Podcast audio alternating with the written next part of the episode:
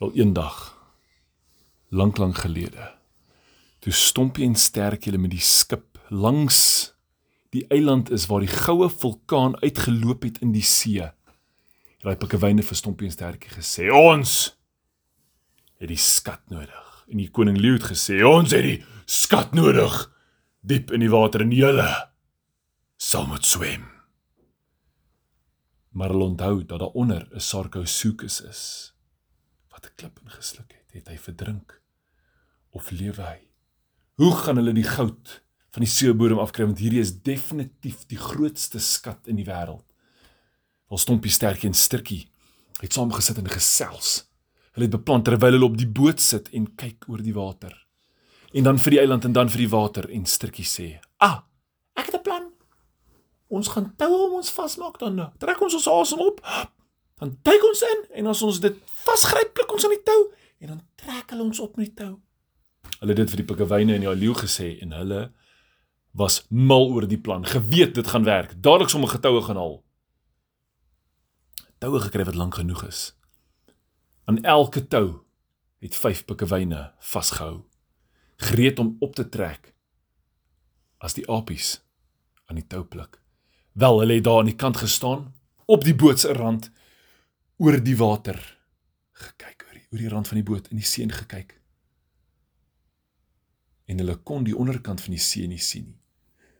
Miskien het hulle daaronder iets sien beweeg, 'n groot skaduwee, maar hulle is nie seker nie. Dalk was dit sommer niks, dalk is dit die boot se skaduwee. En daar spring hulle. Hoep! In en hulle duik af. Die water word donkerder soos hulle afgaan. Maar darm was dit nie verskriklik diep nie. En toe hulle daaronder land, sien hulle die goud. Is 'n rivier. Dis nie los goud wat ek kan optel nie. Dit is een verskriklike lang stuk goud. Hulle het die toue gepluk en sommer vinnig gery die pikkewyne hulle op en toe hulle sien hulle het niks in hulle hande nie. Was hulle almal kwaad en wil weet hoekom het hierdie apies niks goud saamgebring nie. Maar Stompie sterk en Strukkie vertel vir hulle, die goud is te groot. Dit is 'n groot stuk goud, groter as die boot. Hoe sal ons dit opkry? Wel, het koning Leeu gesê. Ons gaan 'n stuk afbreek. En dan tel ons dit op. En hoe gaan hulle dit afbreek? Hulle gaan terug eiland toe. Dan stukkie help hulle en hulle kry groot klippe wat hulle skerp maak. En hulle gaan dit laat afval in die water, reg op hierdie goud en dan gaan hy kraak en breek. Dan kom die goud los. So nou moet hulle hierdie groot klippe op die boot kry. Dit is nie maklik nie. Hulle het dit aan pale vasgemaak wat kan dryf. Die houtklippe laat dryf op die water en moet dit geswem tot reg oor die goud en toe die tou op die klip vasmaak aan die hout afgekap psh, met 'n swaard. Tjoef, dadelik sak daai klip verskriklik vinnig en hulle kon sommer voel. Toe, hoe tref dit die goud? Toe. 10 klippe het afgeval tot op die rivier. Maar daaronder was 'n skaduwee. Wat was dit? Stompie en Sterk het afgeduik. Daar was 'n groot skaduwee wat nader kom met 'n massiewe bek oop. 'n Sarcosuchus. Hy was daaronder, gereed om hulle te eet. Dadelik gryp hulle vas aan 'n klip. Maar die Sarcosuchus pluk en sluk hulle in.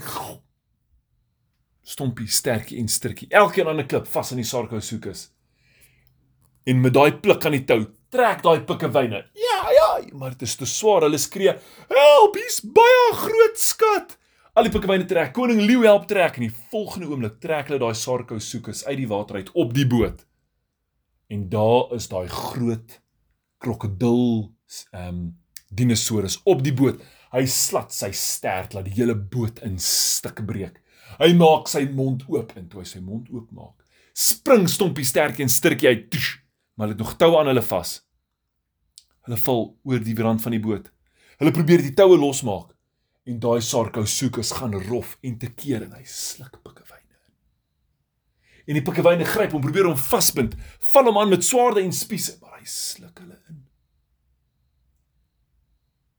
En hy breek die boot laat hy kraak en sink. En die toue van Sturtjie Stompie en Stertjies vas aan die boot en die boot begin sink. En die toue trek hulle onder die water en hulle probeer dit losmaak. Uiteindelik het die toue los en hulle swem tot bo toe hulle bo kom. Is daar nie 'n enkele pikkewyn of 'n leeu of 'n boot oor nie. Hulle swem terug na die eiland toe en wonder hoe gaan hulle terugkom by die huis. Hulle is nou alleen op die eiland.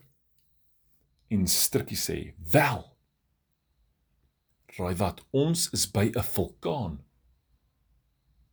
Ek dink nie ons is baie ver van die huis af nie. En as ons 'n groot sak kan bou oor daai seile van die boot wat hier op die see uitgespoel het, dan kan ons dalk 'n lugballon bou.